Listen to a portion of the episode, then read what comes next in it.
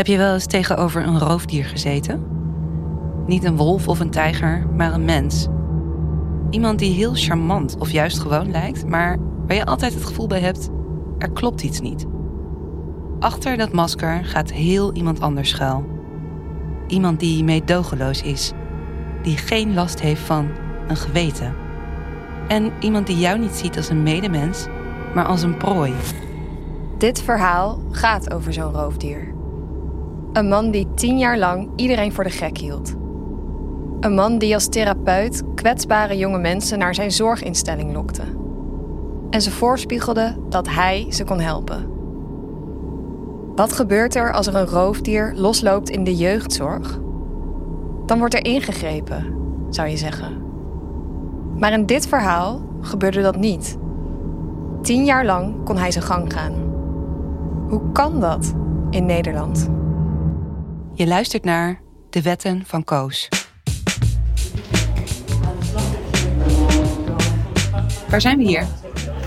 Op de redactie van Follow the Money, waar wij allebei werken. Ik ben Eelke van Ark. En ik ben Jolien de Vries. We zijn allebei journalist en we werken bij Follow the Money. Misschien heb je die naam wel eens gehoord. Het NOS Radio 1-journaal. Rijkswaterstaat negeerde eerdere waarschuwingen voor onveilige tunnels. Blijkt uit onderzoek van Follow the Money. Ja, wat leek op een heldendaad, werd een heel groot schandaal. De mondkapjesdeal van Siewert. Onderzoeksjournalisten van Follow the Money, Jan-Hein Strop en Stefan Vermeulen... die deden er maandenlang onderzoek naar. De Zwitserse farmaceut Roche is de oorzaak dat Nederland niet op grote schaal kan testen... op de aanwezigheid van het coronavirus. Dat schrijft het onderzoeksplatform Follow the Money. Welkom op onze redactie. Hier werken we met tientallen collega's aan onderzoeken naar geldstromen, misstanden en maatschappelijke problemen. Hoe zou jij uh, de, dit kantoor uh, beschrijven? Uh, nou ja, het is eigenlijk het is bijna een soort van geheime plek boven een autoverhuurbedrijf. En het is een oude garage, dus die sfeer heeft het ook een beetje. En um, kun je iets zeggen over het level van comfort en luxe wat wij hier... ja, dat is rond de nul. maar uh, wij zeggen altijd, het hoort bij de charme van Follow the Money, want al het geld gaat in het onderzoek. Maar een goede stoel, uh, zo nu en dan, is ook wel fijn hoor. Dit is de plek waar wij met z'n allen onderzoek doen. Mag even storen. Wat, wat ben jij aan het doen? Ik ben uh, onderzoek aan het doen naar groene bonds en groene beleggingsfondsen. Of die wel zo groen zijn, of dat het eigenlijk een wassen neus is. Ik ben nu bezig met, met allemaal data die wij hebben opgevraagd bij het ministerie. Uh, het gaat over een, uh, over een subsidieregeling. Dus ik ben eigenlijk aan het uitzoeken waar uh, al dat geld naartoe is gegaan. We doen hier alleen maar onderzoeksjournalistiek. Heel simpel gezegd, een doorsneejournalist die gaat ergens naartoe, bijvoorbeeld een voetbalwedstrijd of naar een vergadering, die doet daar verslag van. En een onderzoeksjournalist die, die doet echt zelf onderzoek, bijna zoals een politieagent het doet. Eigenlijk een soort regisseur, daar kunnen we wel een beetje mee vergelijken. Iedereen heeft zijn eigen onderwerp. En wij dus ook. Wij doen onderzoek naar geldstromen in de zorg. En dat is niet zo droog als het misschien klinkt. Een zorgverzekeraar en het Openbaar Ministerie luiden in Nieuwsuur de noodklok over de steeds maar toenemende zorgfraude. Een zorgdirecteur die van het zorggeld van haar cliënten een borstvergroting betaalt. Of de boel vergokt in het casino. Vermoedelijke zorgfraude die gekoppeld kan worden aan terrorismefinanciering. Zometeen vertelt de baas van. Dit is waar wij ons onder andere mee bezighouden. De afgelopen twee jaar waren we gefocust op één man. Koos Vullings. Koos. De Koos. En als ik de naam Koos noem, uh, zegt jou dat niet iets? Ja, dat zegt me zeker iets. Die heeft je volgens mij op de redactie ook echt al een reputatie. Ja, bij Man is natuurlijk wel ontzettend bekend, ja. Urenlang hebben onze collega's geluisterd naar onze verhalen over Koos.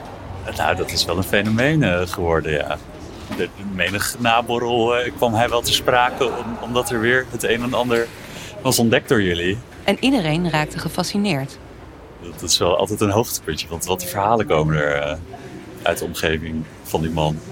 Ja, ik weet heel goed wie Koos is. En als ik aan Koos denk, dan lopen mij de rillingen over de rug. Aan het einde van deze podcastserie snap je waarom een stel onderzoeksjournalisten in de ban raakten van Koos Vullings. Een man waar wij, net als jij waarschijnlijk, nog nooit van hadden gehoord. Maar voor we beginnen met het bizarre verhaal van Koos, zullen we eerst vertellen wie we zelf zijn.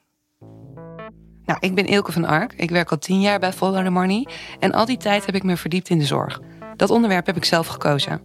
Er werken in mijn omgeving uh, veel mensen in de zorg. Ja, familieleden, vriendinnen. En ik hoor ze vaak over hun werk praten. En dan valt me op, het zijn hele betrokken mensen.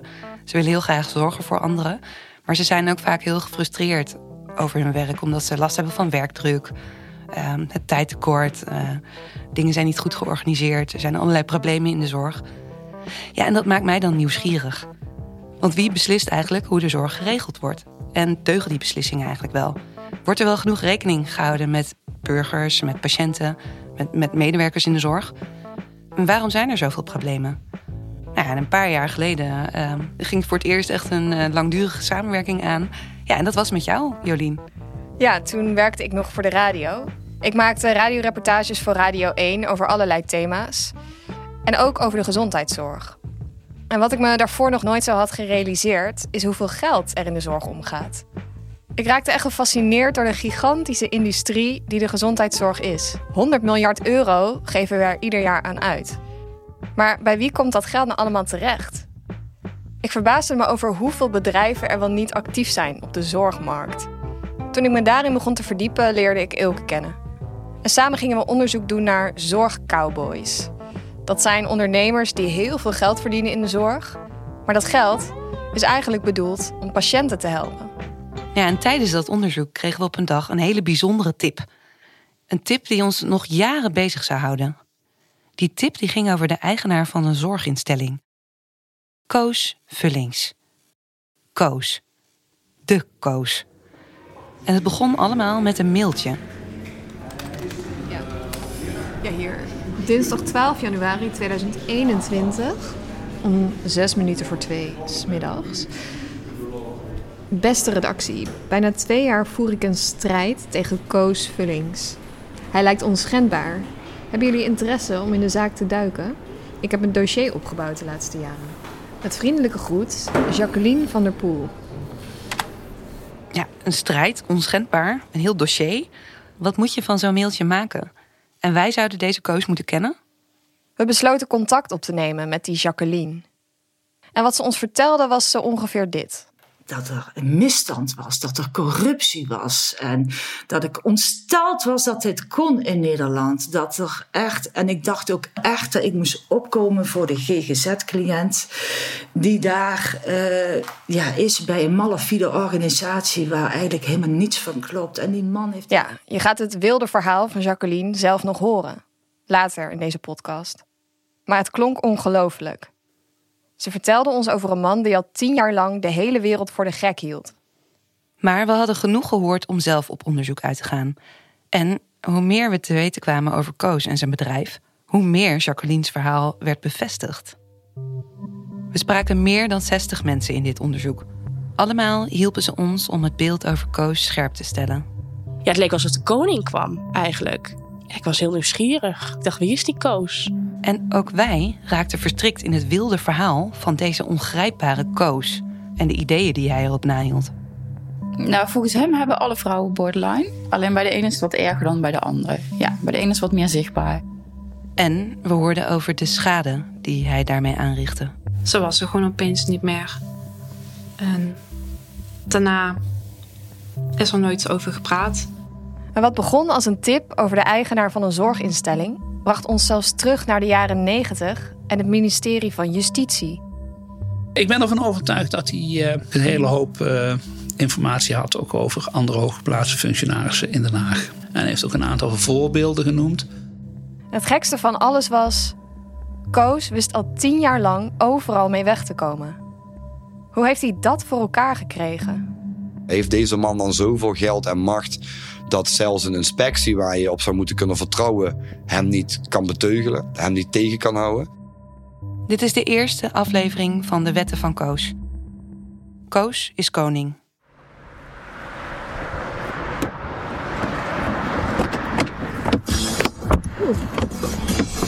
Help, hoi. Oh. Zo. muziekje aan het luisteren. Ja, ik was muziekje aan het luisteren. Want ik heb, een, ik heb de, de auto van Annemieke geleend. En, een goede auto dit. Ja, die is echt een oh, stuk uh, comfortabeler. Oh, dat is echt wel dat scheelt enorm als we ja. naar Ardennen moeten rijden. Ja, Het is echt uh, prettiger en... Uh, Op een mooie dag in november stappen we in de auto om af te reizen naar een witte villa in de Belgische Ardennen. Maar eerst pikken we een jonge vrouw op die ons heel veel over Koos en zijn zorginstelling kan vertellen. Ze is er namelijk zelf in behandeling geweest. We noemen haar Ines, omdat ze in de podcast niet haar echte naam wil gebruiken. Oh, volgens mij is het daar. Ah, oké. Twee. Het gele huisje. Ines kent de witte villa die wij vandaag gaan zoeken. Ze heeft er zes jaar geleden een tijdje gewoond. Hallo. Hey, goedemorgen. Goedemorgen. Ben je er klaar voor? Zeker, ja. Mooi. Ines is halverwege de twintig, heeft lang donkerblond haar en een nieuwsgierige blik. Even kijken of ik alles heb hoor. Sleutels. Ze is huisartsassistent en alleenstaande moeder. En ze is een van de meest sprankelende persoonlijkheden die je kunt tegenkomen. Let's go. Ik zit achter het stuur vandaag. Ines en Jolien zitten op de achterbank. Waar wil jij zitten? Rechts of links? Oh, maar jij gaat mijn tas even naar voren gooien. En zo rijden we naar het zuiden. Zo, we kunnen vertrekken. Net als Ines zes jaar geleden vertrok naar de Ardennen. Toen ging het helemaal niet goed met Ines. En dat is niet zo gek als je weet wat ze allemaal heeft meegemaakt. De vader van Ines verdween al heel jong uit haar leven. Laten we beginnen. Mijn moeder is alleenstaand of was alleenstaand. Mijn moeder heeft ook wel een rugzakje. Uh, dat heeft wel uiteindelijk een positief effect. Want ze is een hele verstandige, uh, ervaren vrouw die me uiteindelijk ook heel veel heeft kunnen leren. Maar goed, ook zo er issues. En vooral met een opgroeiend kind natuurlijk. Ines' moeder kon de zorg alleen niet aan. Mijn moeder was niet heel goed in het begrenzen. Uh, aan liefde ontbrak het absoluut niet. Maar goed, met heel veel liefde weet je alsnog niet of je links of rechts moet. En dat had ik wel nodig. En daarom ging Ines op haar twaalfde ergens anders wonen. En uh, ben ik in een pleeggezin terechtgekomen. En toen, vanaf dat moment, ben ik veertien keer verhuisd in anderhalf jaar of zo. Jarenlang woonde Ines overal en nergens. Bij pleeggezinnen en in jeugdzorginstellingen. En als ze op haar twintigste op zichzelf gaat wonen, gaat het mis. Het was gewoon te veel en te veel verantwoordelijkheden ineens, zeg maar. En ik denk dat dat de reden is dat, dat je dan even gewoon weg wil vluchten of zo. Ja. Ines is er nog niet klaar voor. En ze vlucht in alcohol. Dus op dat moment was ik uh, 93 kilo. Vol vocht vooral. En uh, ja, uh, ik, toevallig mijn moeder zei vanochtend nog... je kon niet eens naar de Jan Linders lopen. Nou, dat, dat is echt zeven minuten of vijf minuten lopen of zo. Uh, nou ja, dan ben je 21 of 20, bijna 21. Het is een nieuwe tegenslag voor Ines. Maar wel een die ze meteen wil aanpakken. Ja, gewoon radeloos. Zo van, oh, daar gaan we weer. Maar goed, wel echt gemotiveerd om, om dat snel uh, hè, uh, weer op te lossen... door dus aan de slag te gaan met het probleem. Ines wil snel hulp. Maar in de geestelijke gezondheidszorg is dat niet zo makkelijk. Overal zijn wachtlijsten. Maar dan hoort Ines via een hulpverlener over een zorginstelling die haar wel kan helpen. Zij uh, raadde mij Kompas aan, want dan had ze vaker uh, mensen naar doorgestuurd. Kompas GGZ. Dat is de instelling van Koos. De Koos. Maar op dit moment kent Ines die naam nog niet. Ze is al lang blij dat ze niet op een wachtlijst hoeft. Dus, um, nou ja, zo hoorde ik van Kompas. En, uh, nou ja, hè, weinig wachtlijsten. Bij Kompas kan Ines meteen terecht voor een speciale behandeling. En die vindt plaats in de Belgische Ardennen. Ik weet niet meer zo goed wat me precies is verteld over die Ardennen. Er zal een beetje een algemeen verhaal zijn verteld van je gaat zes weken daarheen, geen telefoon mee. Dat, dat weet ik nog wel. Dat ik ook dat, dat snapte ik wel, geen telefoon. Maar je mocht ook dat, ja, dat vond ik wel bijzonder. Je mocht ook geen klok mee. Je mocht echt niks meenemen wat, ja, ik denk, is een invulling wat af kon leiden van, weet ik veel, gevoelens of zo. Zes weken afkicken in de Ardennen, zonder contact met de buitenwereld. Zag Ines dat zitten? ik dacht toen, ja, dag. Dat, heb ik echt, dat was mijn eerste reactie van... ik ga toch niet zes weken zonder uh, telefoon... en in een of andere bos uh, gebeuren... Um, ja, weet ik veel wat, wat ik allemaal daar ga doen. Maar daar heb ik, had ik helemaal, was ik helemaal niet, uh, daar was ik helemaal niet enthousiast over. Mijn moeder dacht, oh ja, nou, dat lijkt me een heel goed idee. En ik dacht, hallo, weet je. Waarom vond je moeder dat een goed idee? Ja, ik denk dat moeders heel goed weten wat, uh, wat wel en niet goed is. En uiteindelijk was ik volgens mij best wel vrij snel om. En was het ook, oké, okay, let's do this. En zo stapt Ines op een vroege zomerochtend in het busje van zorginstelling Kompas. Op naar de Ardennen. Het was een soort van exciting iets of zo van... Uh, ja, wie, wie, hè, met, wie, eh, met wie ben ik en eh, wat staat me te wachten. En zes jaar later rijden wij samen met Ines diezelfde route opnieuw. We willen weten waar ze met Kompas is geweest, hoe de behandeling ging en wat ze zich van Koos herinnert. Hoe zat je er toen bij, in, die, in dat busje? Ja, vol, vol eh, verwachting. Zo van eh, wat, eh, wat gaat er gebeuren? Wat, waar, wat, ja, ik, ik kan niet meer terug, hè? Dus eh, dat. Ja, terwijl we onderweg zijn naar de Ardennen, moeten we het misschien eerst even hebben over dat zorgbedrijf, dat Kompas waar Ines heen ging. Kompas GGZ heet het dus en het is het bedrijf van Koos. De Koos, waar wij al twee jaar mee bezig zijn. Goed, Kompas doet dus iets in de Ardennen. Maar wat is het eigenlijk voor organisatie? Ja, wat zien we hier? Toen we dat gingen uitzoeken, vonden we een televisiefragment uit een programma van SBS 6 van een paar jaar geleden. Daarin leggen medewerkers van Kompas het zelf uit. Luister maar even mee. Bij Kompas GGZ zorgen ze ervoor dat je weer in contact komt met je innerlijke kracht en vertrouwen krijgt in je eigen kunnen. Een jonge medewerker vertelt voor welke hulp je bij Kompas allemaal terecht kunt.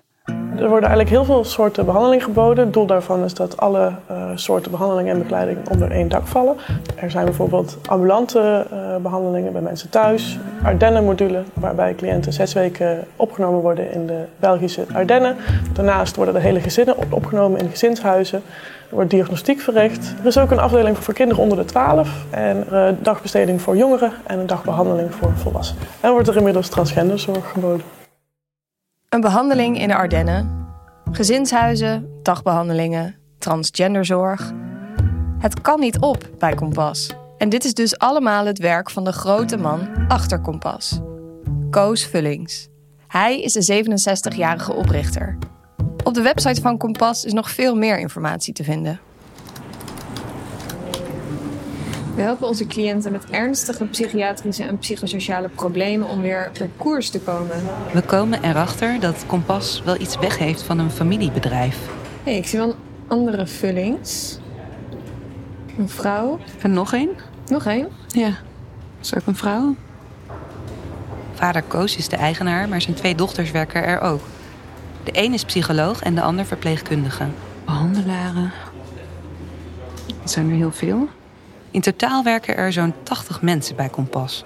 Waaronder tientallen psychologen en meerdere psychiaters. Ja, en hoewel Koos de grote baas is, blijft hij in de uitzending van SBS 6 op de achtergrond. Je hoort hem alleen aan het begin en het eind heel even. In beeld zien we een kale zestiger met een grijze stoppelbaard en een gekleurd bloemetjesoverhemd. Hij zegt het volgende. Cliënten kunnen zich aanmelden via de site, huisarts, telefoon, maakt eigenlijk niet uit. Dan krijgen ze binnen twee weken een intake. Als het moet zijn binnen twee dagen. Maak geen onderscheid op leeftijd. Dat kan vanaf twee jaar tot en met 50 jaar. Dat hij zo op de achtergrond blijft, dat past eigenlijk helemaal niet bij de rol die Koos heeft binnen Kompas. Hij is namelijk niet alleen de eigenaar van het bedrijf, hij bedacht ook de behandelmethodes. Dat horen we als we beginnen rond te bellen om meer over Kompas te weten te komen. Ja, hallo. Ik spreek met Jolien de Vries van Follow the Money. Ik uh, bel met een paar vragen over zorginstelling Kompas GGZ. En zo horen we over de filosofie van Koos.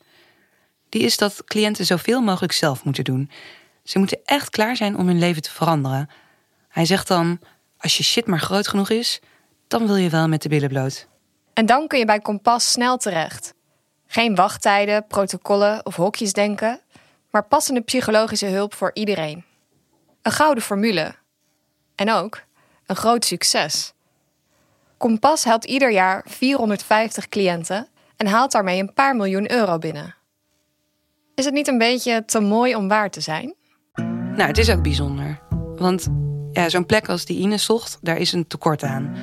Dit soort plekken voor jonge mensen zijn gewoon heel schaars. Want er is heel veel expertise voor nodig om deze mensen te behandelen. Dat hebben niet alle zorginstellingen paraat. En dan heeft Kompas ook nog een heel breed aanbod. Ja, en dan ook nog zonder wachtlijst. Ja, Koos lijkt het onmogelijke waar te maken. En hoe meer we te weten komen over Koos en zijn bedrijf, hoe meer vragen we krijgen. Misschien kunnen de mensen die bij Kompas gewerkt hebben ons meer vertellen. Ines, met wie we onderweg zijn naar de Ardennen, kent nog wel zo iemand. Haar begeleider Andy. Oké, okay, daar is het. Ja, hier is het inderdaad. Oh. Zal ik het hek even los doen? Voor we de reis met Ines voortzetten, gaan we eerst bij hem langs. Hallo. Hallo, ik ben Andy. Hoi, Jolien. Hey. Dankjewel. Andy. Hi, Ilke. Hi. Kom binnen. We staan in de woonkamer van Andy. Een vrolijke, energieke hulpverlener in de jeugdzorg. Met een stoere baard en heel veel kleine vlechtjes in zijn haar. Hij woont in het zuiden van het land. In een huis met uitzicht over bosrijke heuvels. Samen met zijn gezin en zijn hond Lea. Help me, Obi-Wan Kenobi. You're my only hope. Wat is het voor een hondje? Het is een eh, Australian Shepherd. Ah, het is nog heel jong, of niet? Ja, vijf maanden oud pas. En ze heet Lea. Ja, prinses Lea. Andy was dus de begeleider van Ines in de Ardennen.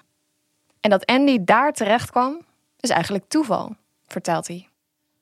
Net voor de, de kompastijd zat ik eigenlijk in een verkoopfunctie. Iets wat totaal niet bij me paste, maar ja, moest, ik moest wel iets, eh, iets doen om eh, brood op de plank te krijgen. En toen zei mijn ex, ehm, toenmalige vriendin, van eh, ja, ik zie hier een advertentie op Facebook staan dat ze iemand met spoed zoeken. Want ehm, voor een crisisbehandeling in de Ardennen hadden ze binnen drie dagen een man nodig die de groep kon, kon leiden en het outdoor gedeelte kon oppakken. Achteraf verbaast het Andy dat hij de baan bij Kompas zo makkelijk krijgt. Met de zorg voor kwetsbare jongeren heeft hij dan nog geen ervaring. Het gaat hier om een jeugdzorginstelling. hè? Was dat nog een vereiste dat jij een zorgachtergrond had? Nee, nee, was geen vereiste. Vond ik wel iets van, maar ik was al lang blij dat ik die kans kreeg. Dus ik heb geluk gehad dat ze het echt nodig hadden. Binnen drie dagen moest er iemand meteen ook voor zes weken naar de Ardennen. Voordat Andy bij Kompas terechtkwam, was hij dus verkoper. Maar daarvoor zat hij als beroepsmilitair in het leger. Om mensen te helpen.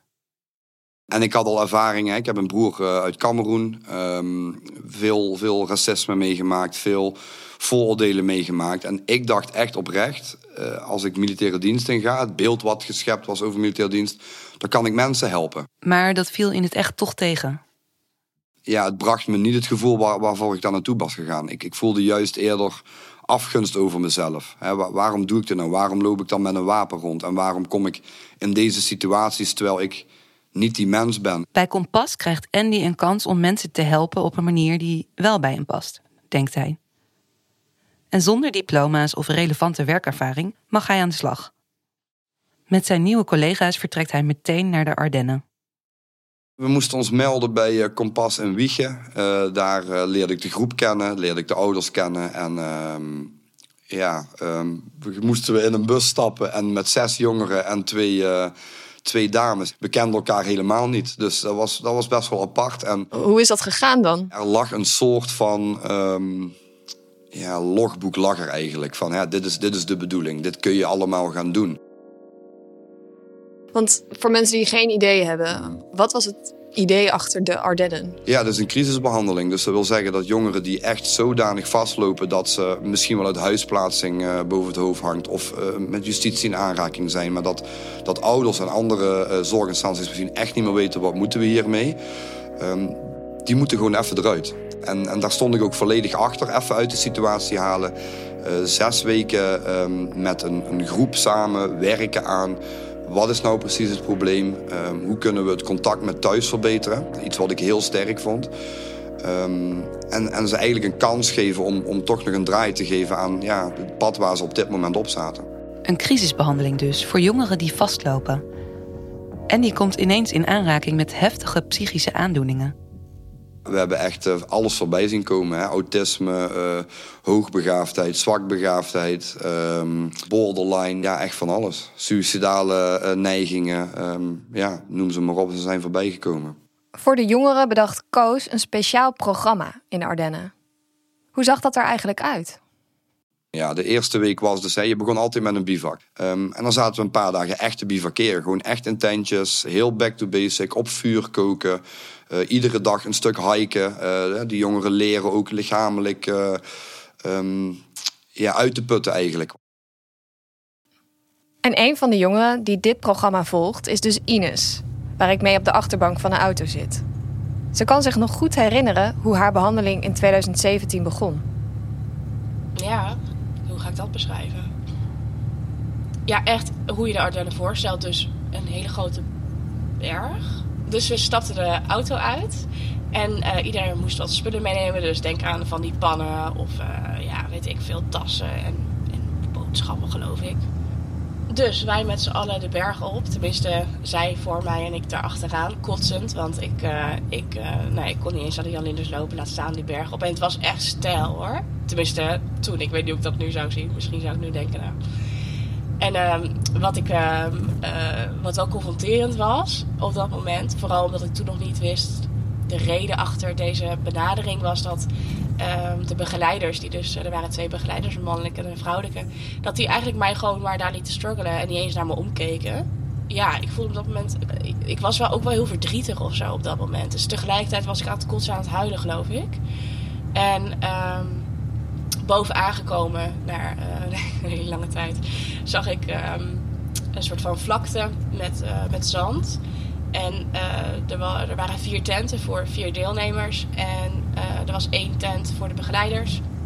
Eén van die begeleiders was Andy. Hij legt uit dat het struggelen van Ines een bewuste strategie was bij Kompas. Op het moment dat je heel sterk bent en je hebt je, je, je maaltje gehad en je hebt goed geslapen, dan is het moeilijk om een bepaalde muur te doorbreken. En dat, dat wisten wij, dat, dat, dat snapten we. Dus we zorgden dat dat muurtje eerst een beetje afgebrokkeld werd door fysieke inspanning, iets minder slaap, iets minder comfortabel eten. En het telefoon was sowieso niet aanwezig, dus ze misten heel veel. Waardoor ze vrij snel wel tot zichzelf moesten komen en ook ons sneller moesten toelaten. En dat werkte supergoed. Tot jezelf komen door af te zien. Dat is het Ardennen-traject van Kompas in een notendop.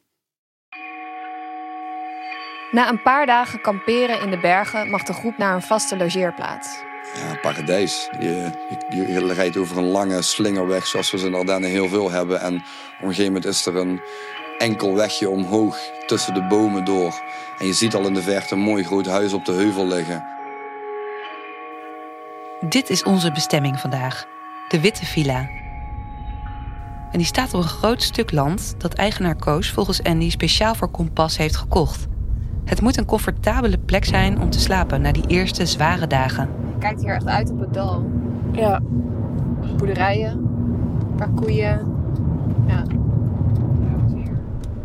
In de bergen, waar de navigatie niet optimaal werkt, is het even zoeken naar die lange slingerweg en de witte villa.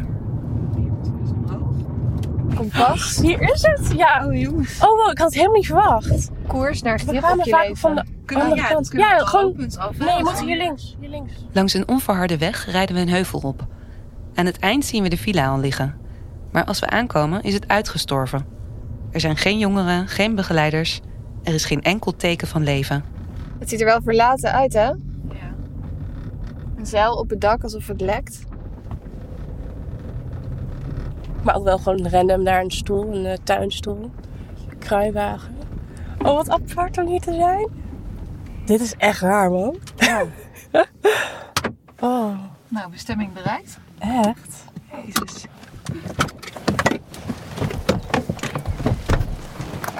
Bij Ines komen de herinneringen boven. Het is zes jaar geleden dat ze hier voor het laatst was. Nou, en hier deden we dan, 's ochtends eh, als we wakker werden, deden we dan oefeningen. Er hangt hier een boksbal. Moest ik dus echt van Andy en dan 10 keer of 10 seconden kort of zo en dan weer 20, 20 seconden zo of zo. Met uitzicht op eh, de vallei. Ja, ja nou inderdaad. Nou, ja, verkeerd, toch? ja. We staan op het terras voor de villa met uitzicht over de groene vallei. Vanaf deze plek zag medewerker Andy iedere week een zwarte Mercedes het terrein oprijden.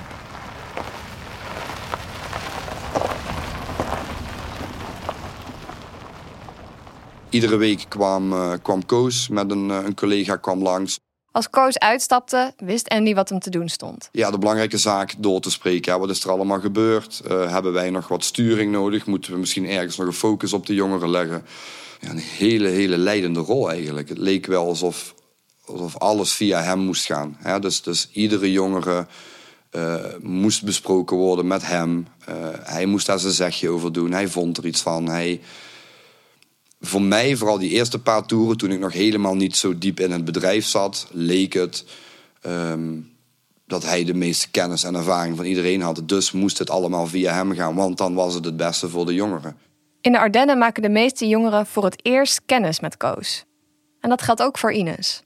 Ik was heel nieuwsgierig eigenlijk. Ik dacht, wie is die Koos? Wat was haar eerste indruk? Ik vond het heel spannend toen Koos voor het eerst naar de Ardennen zou komen. Dat was echt een. Ja, het leek alsof de koning kwam eigenlijk. Het leek alsof de koning kwam. We wisten al heel de dag, oké, het gaat nu gebeuren. We gaan de grote Koos zien. Ik vond het allemaal wel een beetje raar. Ik dacht, ik weet niet, wat is dit voor, weet je wel? Er werd wel een beetje het advies gegeven van, hè, als je dan, ja, je moet toch een poetsdag hebben één keer in de week. Nou, doe dat dan op die dag dat Koos komt. Want je bent in de ochtend, kun je geen groot programma draaien. Je moet toch wachten tot hij er is. Nou, met Koos weet je nooit hoe laat hij er is. Dus dan gaan we het huis maar poetsen. We leken wel uh, van die mensen die dan uh, als een gek uh, door, door een huis rennen om alles klaar te maken voor een bepaald evenement of zo. Of iets voor een happening. Uh. Hij had wel een manier, ook met de jongeren, op een bepaalde manier, waardoor jongeren het soms ook wel leuk vonden om hem weer te zien. Hij, hij, hij kon ook wel grapjes maken, et cetera. En um, was, was een aparte vent. Koos was een soort van om bang, of ja, niet bang, maar wel om. Uh, hoe zeg ik dat? Ontzag, ja. Ja, dat is het. Ja, wie is die Koos nou eigenlijk? Ines voelt meteen ontzag voor hem. En ook bij Andy dwingt Koos respect af. De grote baas, die op zijn eigen manier contact mee te maken met de jongeren. Maar hij blijft een beetje mysterieus. Waarom is Koos ooit met Kompas begonnen? We richten ons onderzoek dus wat meer op wie Koos is en wat hem drijft. En we beginnen al een aardig dossier op te bouwen. Ja, als je weet waar je moet zoeken, kun je heel wat informatie vinden over mensen op het internet. En zo komen we steeds meer over Koos te weten. Hier, hij heeft een eigen website. hey, ook een uh, cv. Ja. Koos Vullings is een boerenzoon uit de buurt van Nijmegen, die uiteindelijk opklimt in de geestelijke gezondheidszorg. Bij Kompas loopt hij in een keurig pak rond. Maar je ziet hem ook zo voor je op zijn Harley, de motor waar hij graag mee pronkt. Overal waar Koos werkte hielp hij grote projecten van de grond te krijgen. Een echte vernieuwer en een echte ondernemer. Hier even kijken. Uh, in de Kamer van Koophandel zie ik... Een stichting, nog een stichting, een aantal BV's. Kompas BV, dat is uh, de zorginstelling. Hij voelt zich niet thuis in wat hij het regulieren noemt. In 2011 begint hij voor zichzelf. Met een handvol medewerkers start hij zelf een zorginstelling. En dat is Kompas GGZ. Kijk, op de website van Kompas zie ik hier Koos Vullings, directeur. Gezin- en systeembehandelaar, traumatherapeut, EMDR en systeemmediator. Kompas werd dus een groot succes, zoals we al eerder zagen. Geen wachtlijsten, volop personeel en ook financieel ging het goed. Terwijl andere zorginstellingen de eindjes wel eens aan elkaar moeten knopen. Hoe krijgt Koos het toch voor elkaar? Is het hier niet duidelijk? Ja. Dat groene, ja. Is het hier? Ja, ja, hier links. Ja, hier parkeren we inderdaad het Op zoek naar antwoorden gaan we terug naar de Ardennen. We zijn met Ines op een plek waar ze met kompas veel is geweest. Een survival park tussen de rotsen. We zien een kabelbaantje, we zien een touwladder voor een steile rotswand. Uh, hier kwamen we echt om te werken en om vervolgens dus uh, ja, te, de buitensport te doen, zeg maar. Dus uh, het klimmen en het upsiden en zo, ja. In dit survival park zet Koos de cliënten aan het werk in het kader van hun behandeling. Ja, het groen daar, het bomen en takken en weet ik wat allemaal. En dan moesten we dan ja, onderhouden, bijhouden. Hier heb ik nog gesnoeid, dit bijvoorbeeld, moesten we dan snoeien. Want dit is gewoon echt een, een rotsblok en daar het zijn allemaal ja, stenen en daartussen zit dan mos en wat boompjes en planten en struiken. En het idee was van, het moet kaal zijn? Of, Nee, het moet gewoon bijgehouden, weet je. En dat is bij een tuin, ga je ook bijhouden. Nou, dat moest hier ook. En ik had geen idee wat ik dan moest bijhouden. Want ja, weet je wel, waar begin je in godsnaam? Dit had Ines niet zien aankomen. Ze zou toch een behandeling krijgen? Maar in plaats daarvan staat ze halve dagen te werken. En dat blijft niet bij bomen en struiken snoeien. Uh, nou ja, stallen schoonmaken, de wei, het water bijvullen. En het huis schoonmaken. En ik heb me, wat ik wel echt vaak heb gevoeld, ik heb me, som, ik heb me echt vaak een soort van slaaf gevoeld daar in de Ardennen. Je bedoelt werken uit. Ja, werken. Ja, of op de manege. Dat was echt, joh. Ik heb echt het gevoel alsof die mensen er gewoon die stront op hebben gespaard voor ons. We gingen erin staan en we, weet je wel, het kwam gewoon tot je, tot je kuiten. Weet je wel, dat was zo vies. Werk of niet, voor deze behandeling brengt Koos 27.000 euro in rekening bij de zorgverzekeraar van Ines. Dat is 4.500 euro per week. Ze laat ons zelf de rekening zien. En ook andere cliënten vertellen ons over de hoge kosten van de behandeling in de Ardennen. Dat de zorg bij Kompas zo duur is, weten de medewerkers in de Ardennen niet, vertelt Andy later aan ons. En waarom het zoveel kost, blijft voor Ines een raadsel. En we hadden 600 euro uit mijn hoofd voor zes weken aan eten. Dus hoe we daar op de centen hebben gepast. En hoe, dat was echt een soort van dingetje daar, weet je wel. Je moest altijd maar en dan... En dat ik uiteindelijk denk, we hadden er wel naar een hotel kunnen gaan voor een paar nachten. En natuurlijk was het niet verkeerd om te werken, want daar wordt niemand, gaat niemand hè, dood aan. Alleen de soort van reden daarachter of zo was soms een beetje dat ik dacht, hmm, dat is het juist. Dat je soms dacht van, dit is niet, dit is niet omdat dit voor mij goed is op dit moment. De 27.000 euro gaat in ieder geval niet op aan dure therapeuten of luxe maaltijden. Maar de zorg en het eten zijn niet de enige dingen waar Koos op bespaart. Ook de witte villa, waar de jongeren logeren, is in vervallen staat. Tot frustratie van Andy. Er hingen stroomdraden waarvan ik dacht van ja, dat is het eerste wat je doet. Weet je, dus daar ga je meteen geld in pompen. Je gaat meteen zorgen dat stroom veilig is. Wat zou er gebeuren als Andy daar zelf iets aan zou doen? Maar goed, dan had ik een keer een, een spijkertje aan de muur gehangen omdat we een bokzak wilden ophangen. En dan kreeg ik van Koos te horen dat ik hem toestemming moest vragen voor een spijkertje op te hangen. En dat ik ook zei van, kerel, jij bent hier één keer in de week. Toen heb ik hem ook opgebeld. Een keer hadden we een klink kapot. Ik zeg, Koos, mag ik een nieuwe klink kopen? Ja, wat doe je nou kinderachtig? Ik zeg, hoezo kinderachtig? Ik zeg, vorige week moest ik nog me verantwoorden voor een spijkertje. Ik zeg, ik ga niks meer zonder jou kopen. En de hoop dat hij het irritant zou gaan vinden. Ik ga niets meer zonder jou kopen. Oké, wat vindt Andy eigenlijk van zijn baas? Ik had zeker respect voor hem, omdat ik dacht hij heeft een heel goed jeugdzorgbedrijf opgezet. Dus daar, daar, daar had ik wel respect voor. Maar de mens was bij mij echt heel snel dat ik daar niet per se respect voor had. Ja, zijn ego moest wel gestreeld worden. Hij moet wel het mannetje zijn. Koos moet het mannetje zijn. Iedereen die we over Koos spreken bevestigt dat. En we zien het zelf ook. Bijvoorbeeld op zijn Facebookpagina. Ja, dat is een openbare pagina. Oh, oh, hier zit Wagenpark. Oh, jezus. Oké. 1, 2, cabrio. Zo. Trots pronkt Koos met zijn auto's en met zijn Harley. Ik heb geld zat, blijkt zijn Facebookpagina te adverteren. Kijk, dat je rijk bent maakt me niet zoveel uit. Er zijn heel veel mensen rijk en die gaan er goed mee om. Maar Koos, die, die wappert er ook al mee. Hij had al, al drie auto's of zo, drie Mercedes, maar eentje was nog niet helemaal zwart. En ineens wilde hij alles zwart hebben. En dat moet dan ook op social media. En op een dikke motor. En uh, een dik huis. En hij praatte altijd over dat soort zaken. Ja, dat hij alles kon kopen wat hij wilde. Dat hij op vakanties ging. Gewoon stoere praat. Dat geld, de auto's, de opschepperij. Het roept vragen op. Waarom is de behandeling bij Kompas zo duur? Is dat terecht? Weet je nog dat we aan het begin van de aflevering vertelden over hoe Jolien en ik elkaar leerden kennen? We deden samen onderzoek naar zorgbedrijven die extreem hoge winsten maken. En we vertelden je al dat we in dat onderzoek dus de tip over Koos kregen. Die ene bijzondere tip. Dat mailtje van Jacqueline, die dit hele verhaal in gang zette.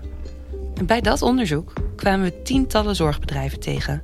Die extreem hoge winsten maakten over de rug van patiënten. Zorgcowboys noemen we die. Ondernemers die een bedrijf starten in de gezondheidszorg met als doel er rijk van te worden.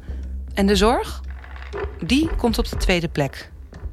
We doen al jaren onderzoek naar zorgcowboys en we komen ze overal tegen. Bij thuiszorgorganisaties, psychologenpraktijken, jeugdhulpinstellingen. En dat onderzoek heeft heel wat teweeggebracht. Het geld dat bedoeld is om patiënten te helpen, steken zorgcowboys in hun eigen zak.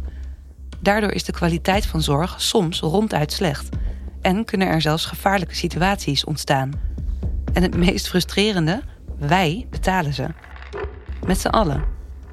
Via zorgpremies en belastingen. Nou, en een van de bedrijven die we in dit onderzoek tegenkwamen was dus Kompas. Hoe doen we nou onderzoek naar dit soort bedrijven? Een van de belangrijkste dingen die we doen is kijken naar de cijfers. Wat zagen we in die cijfers?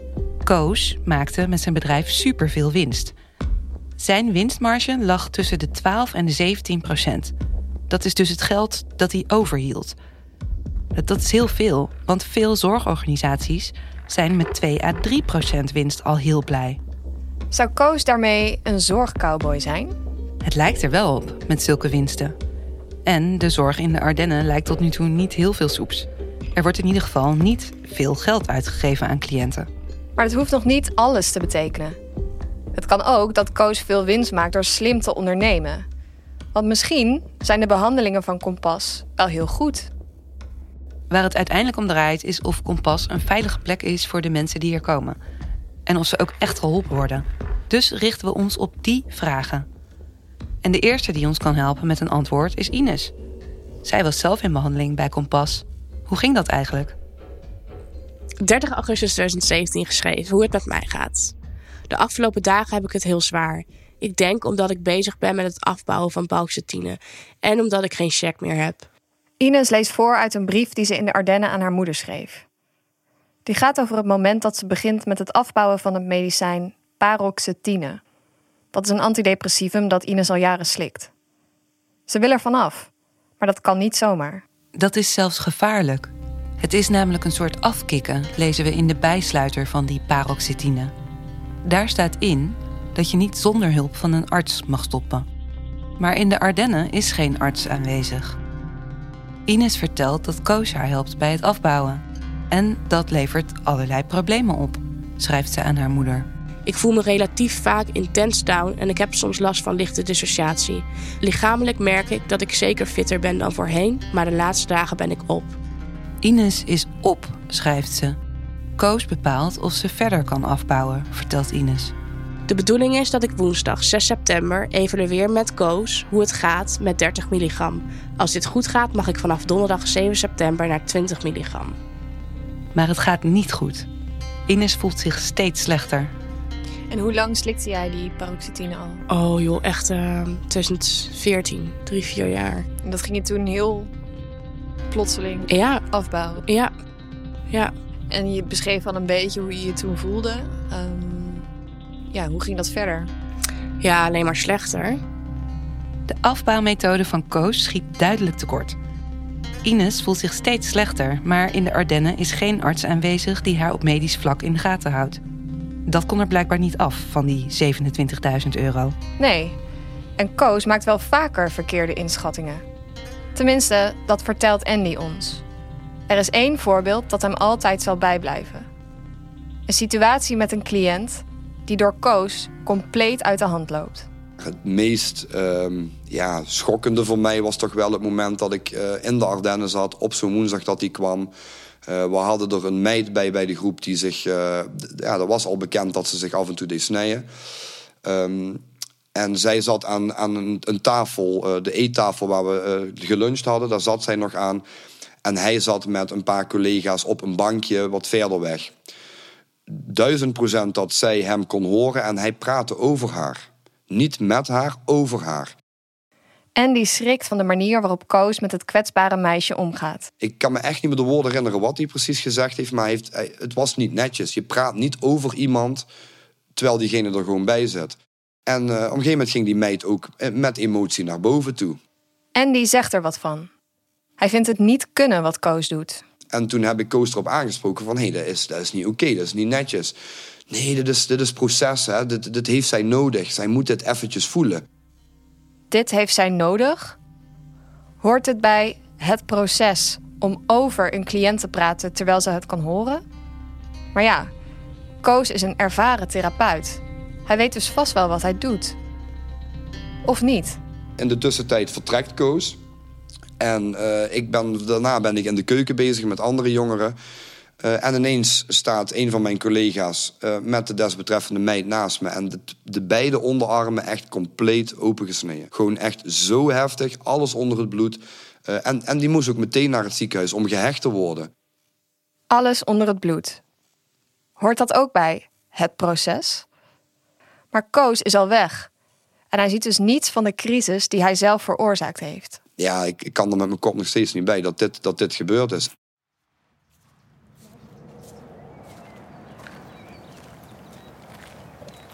In de Ardennen loopt het wel vaker uit de hand.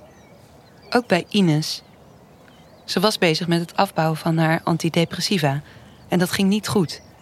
En op een dag verliest ze de grip op de realiteit. We waren op een donderdag aan het werk bij, uh, bij Vonken. Met Ines zijn we terug bij Vonken, het survival park waar de jongeren allerlei klusjes voor Koos moesten uitvoeren. Deze keer moeten ze grind storten. Oh, ik zie het grind al. Kijk dan. Ja, hier waren denk ik bergen met grind. En dan één moest het erin scheppen in de kruiwagen. En dan reed je zo met de kruiwagen deze kant op. En dan moest je uitkijken dat je niet naar beneden donderde. Met zo'n hele zware kruiwagen. Want hier komen we aan bij een soort van veranda. Ja. Nou, daar waren de begeleiders en dat andere mensen waren daar dan aan het, uh, aan het harken. Zodat het zeg maar egaal zou worden. De zware klus, waar Ines toch al geen zin in had, wordt haar te veel. Ja, ik kreeg het aan de stok met, uh, met een uh, meisje uit mijn groep. Het was echt niet dat het ineens padspoen was. Hè? Want ik schreef ook in mijn brief wel dat ik snel prikkeld was en dat ik niet lekker in mijn vel zat. Nou, en toen was het dus ja, die dag dat we hier kwamen. En ja, weet je, dan word je aan het werk gezet en zit je van die stomme steentjes zit je te storten en te, en te hakken. Dat ik echt denk, ja, ja, daar word je ook gewoon niet heel blij van, zeg maar. En dan in combinatie met wat wrijving tussen mij en een, uh, een andere deelnemster. Ja, toen gebeurde het inderdaad volgens mij met een stok of zo. Dat ik dacht dat zij mij tegen mijn been sloeg of zo. Toen heb ik, mij, heb ik haar volgens mij met die stok teruggeslagen. En dan loopt de situatie pas echt uit de hand. En toen? Wat deed je toen? Ja, toen ben ik weggelopen. Die kant op? Ja. En, en toen je wegliep dan, zei iemand iets? Geen idee. Ik zat echt in een vluchtmodus. En dan bedoel ik niet dat ik uh, dat er letterlijk iemand achter me aan zat, maar gewoon dat ik heel veel adrenaline voelde en me echt onveilig voelde. En, en ik voelde me bedreigd in mijn zijn, zeg maar. Echt alsof ik echt in mijn eentje was. En dat iedereen die op de wereld was met zich tegen me wil. Weet je wel, dus... Ines is bang. Precies wat volgens de bijsluiter van haar antidepressivum het risico is als je te snel afbouwt. Nou ja, ik ben nog nooit zo dichtbij psychotisch geweest. En ik heb, ja, ik ben echt wel, ik heb hè, veel meegemaakt. Ik heb veel, uh, op veel momenten verschillende emoties ervaren. Of, hè, uh, ik was gewoon het raad kwijt. Ines blijft maar lopen. Ze weet niet meer wat ze doet. En hoe ging je dan vanaf hier verder? Nou ja, deze kant op en dan links. Wacht even, maar we lopen nu op een autoweg af. Ja. Maar je bent gewoon langs die weg gaan lopen? Ja. Ja. Die auto's gaan hier uh, ja. 70. Ja. ja net, harder. Ik moet ook zeggen dat ik dat nu pas besef hoor. En wat, hoe gevaarlijk het was. Of nou ja, op dat moment dacht, stond ik hier echt niet met... Oh shit, ik kan hier eigenlijk niet lopen, want er lopen, rijden auto's. Het was meer van, ik moet hier gewoon weg. Uh, ja. Ines loopt dus in verwarde toestand over een Belgische autoweg. Het lijkt erop dat het afbouwen van haar medicijnen verkeerd uitpakt. Had Koos dat niet kunnen voorzien? Nou, Koos heeft wel iets anders aan zijn hoofd, horen we van Andy. Terwijl Ines over die autoweg zwerft, speelt er namelijk van alles in Nederland waar de groep in de Ardennen geen idee van heeft. Tot die ene woensdag. Ja, we waren gewoon aan ons, aan ons dagelijkse, um, dagelijkse ritme waren we begonnen. Dus uh, ik ging met de jongeren sporten zoals we iedere dag deden. Daarna gingen we ontbijten. Uh, en toen gingen de, de poetswerkzaamheden gingen van start. Want ja, Koos die zou komen. Maar de zwarte Mercedes van Koos is die ochtend nergens te zien. Nou, hij was niet altijd even goed met de tijd, maar het was ook niet super lang wachten. En, en nu was het wel super lang wachten. En ja, toen gingen we toch bellen van, hey, weet iemand waar, waar hij uithangt? Want het is toch wel gek, hè? We, we, hij moet komen voor de jongeren. Ja, een paar dagen later leerden we dat hij, uh, dat hij vast zat. Koos zit vast. In de gevangenis, bedoelt Andy. Een succesvolle zorgondernemer die plotseling in de gevangenis belandt? Dat klinkt onheilspellend. Maar het verhaal is nogal vaag. Is Koos alleen aangehouden? Is hij veroordeeld? Of wordt hij door de politie verhoord? Voor Andy is het op dat moment niet duidelijk. Ja, niemand, niemand wist op dat moment ons een antwoord te geven.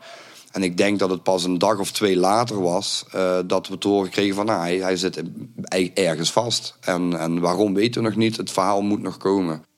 Dat verhaal hoor je in aflevering 2. Hij verzamelde zich met jonge dames en daar had hij ook een aparte verstandshouding mee. Hij heeft met ieder personeelslid daar een soort persoonlijk lijntje die hij probeert te leggen. Ik had een collega die kreeg een auto-ongeluk en het eerste wie ze had gebeld was Koos. Dit was een podcast van Follow the Money. Ben je benieuwd naar onze andere verhalen? Word dan gratis proeflid via ftm.nl/slash koos. Het onderzoek, de interviews en de montage van deze podcast zijn gedaan door ons, Ilke van Ark en Jolien de Vries. De eindredactie was in handen van Marion Oskamp. Mixage en sounddesign door Dennis Gaans. De titelsong is van Daan van Haren. Art direction door Helene Emanuel. Ontwerp door Roy Abink en development door Jorik van Essen en Richard Jong. Verder willen we de volgende collega's bedanken voor hun hulp bij het tot stand komen van deze podcast. Sophie Blok, Sophie Stadhouders, Jan-Willem Sanders en Harry Lensink. En jij, bedankt voor het luisteren.